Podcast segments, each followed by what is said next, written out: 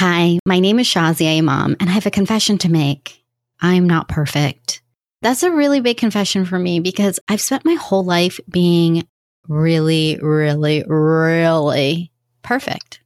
I tried so hard doing this. I was actually really good at it for most of my life. I did really well in school all the way through college. I got a great degree. I got a great job. I got married to a great guy and everything looked so picture perfect.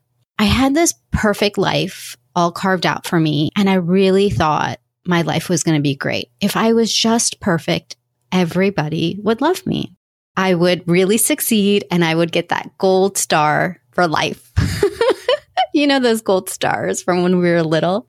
Man, I was really after those things. I was working so hard to make my life quote unquote perfect. Things were going along. We got pregnant. I was so excited. I thought this is the final thing. We're going to have a baby and then we're going to buy this perfect home. I knew exactly what zip code it was going to be in 20165. I was going to check everything off the list. I was going to have that white picket fence, a single family home with the perfect little family. And by all standards, I was going to have achieved everything we all desire coming from an Indian family, growing up here in the US, but coming from a very traditional family, the idea of success was exactly that. And it's not just about being an Indian girl. It's also being any girl, any woman, right? There's all of this idea around what perfection is. So here I was. I was pregnant, super excited. Everything looked like it was going just right. And in a matter of just hours, everything shifted. I went into labor earlier than expected. Our son, I like to call him Chotu Sonu, which means little love, was born but only survived a few hours. While I got to hold him in my arms, my little love, and he was so perfect. He was so little and he was so perfect. And that little nose was just so perfect. He wasn't meant to be with us in this world. It really changed my life completely, but even more than I could have expected. My marriage fell apart thereafter. I was suddenly all alone. Now, that part of the process didn't happen overnight. There was a lot of time I spent still trying to hold it together in front of the world, still trying to make myself look like I had it all together. But deep down inside, behind closed doors, things were really falling apart. I'm not going to get into the nitty gritty of the details. Who knows? Maybe I will in a future episode. But the point of this story is that I really didn't know what I was going to do with my life. It was hard enough to lose my son, but I'm going to be so transparent with you. It was even harder to think that my husband was leaving me. I really thought my life was going to end, and there were moments that I wished my life would end. Because who would I be without these things? Who was I?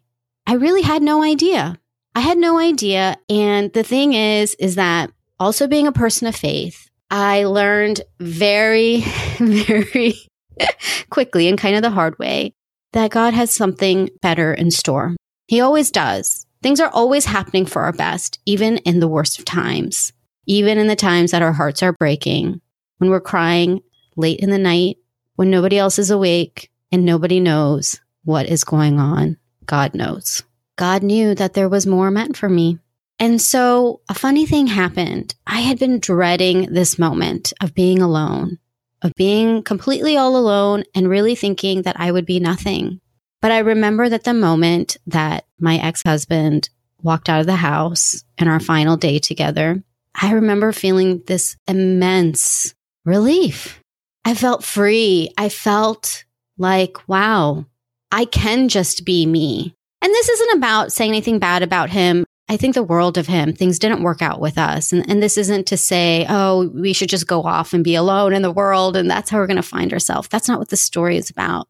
But it is about self discovery. And that journey had started beginning even before things officially ended. I realized that I had been trying so hard to be perfect trying so hard to be something else that I didn't know who I was.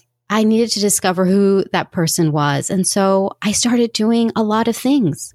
I started doing things that were a lot of fun. I actually made a dreams list. I started by taking some swimming lessons and starting to travel and starting to do some new things. Amidst all of this, I got really honest with myself. I had really been suffering from low self esteem for quite some time. And that was really surprising to me because when everybody on the outside thinks like you're perfect, it's kind of weird to say, well, actually, I kind of feel like I suck.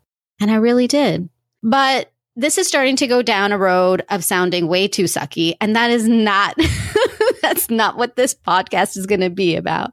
But I just wanted to let you know that look, I am not perfect. I wanted to make that confession and put it out there. But I'll tell you what, I feel really, really good about myself now. I feel very fulfilled. My story has had a happy ending and it's not even the end of my story yet. I found a wonderful man. I got remarried. And guess what? My life isn't just about being married. That's just one part of it. What's actually amazing is how much more has opened up. And a lot of that has been around the work that I've been doing with women like you. And that's the whole point of this podcast. This podcast is really about connecting with women who are like us, women who are trying really hard. We are trying so hard to get our ish together and look like we have it all figured out for I don't know who. But you know what? Deep down inside, uh, it's exhausting. It's so exhausting. We know, I know you know, I know you know that you are meant for so much more. And that the things that are taking up your time right now, right? The small things, the day to day things that are literally taking up your time, and the big things like the fear, the shame, the guilt, the things that are really preventing you from moving forward, it's time. It's really time to move past that now. It's really time to let go of the perfection because the perfection is really in being you. It is in being you. And this is what we are going to be talking about on the show. My plan is to bring women who are amazing, just like you, who are on their journey, maybe it feels like they're a little bit further ahead. I know for me, there's so many women I look up to, and I just love to hear what they have to share. And I'll give you a sneak peek because I've already done a number of the interviews already. Oh my God, these women that we think are just so amazing. Yeah, they are. But guess what? They have fears just like us. They have their vulnerabilities, their secrets. And you know what? They're still out there. So we are going to be talking to these women bringing back what it is that you need. You're going to pull out what you need. You're going to get the practical tips about how to have more love in your life, how to have more time, how to have more of your dreams and your desires and all those good things, right? We're going to talk about all of that and we're going to go really deep and we're going to talk about the things that people don't typically talk about either. We are going to talk about the scary things, the fears, the loneliness, the feeling not good enough, there's a lot, a lot, a lot that we just don't talk about. This isn't going to be some perfectly Instagrammed photo because number one, I'm not a good photographer and this is an audio show, but also because life is so dynamic. We're all unique and we all have incredible gifts to give in the world. You have a gift to give in this world. And I want you to step into that. I want you to step into that power. You have to step into that power. The world needs you. And I believe that as a collective, women are going to change the world. I really have this deep passion for having women step into their power, to really go after their desires, to know that they will still be able to love everybody around them just as much, but also love themselves and change this world because it is the feminine. It is the feminine power rising that's going to bring this world back to balance.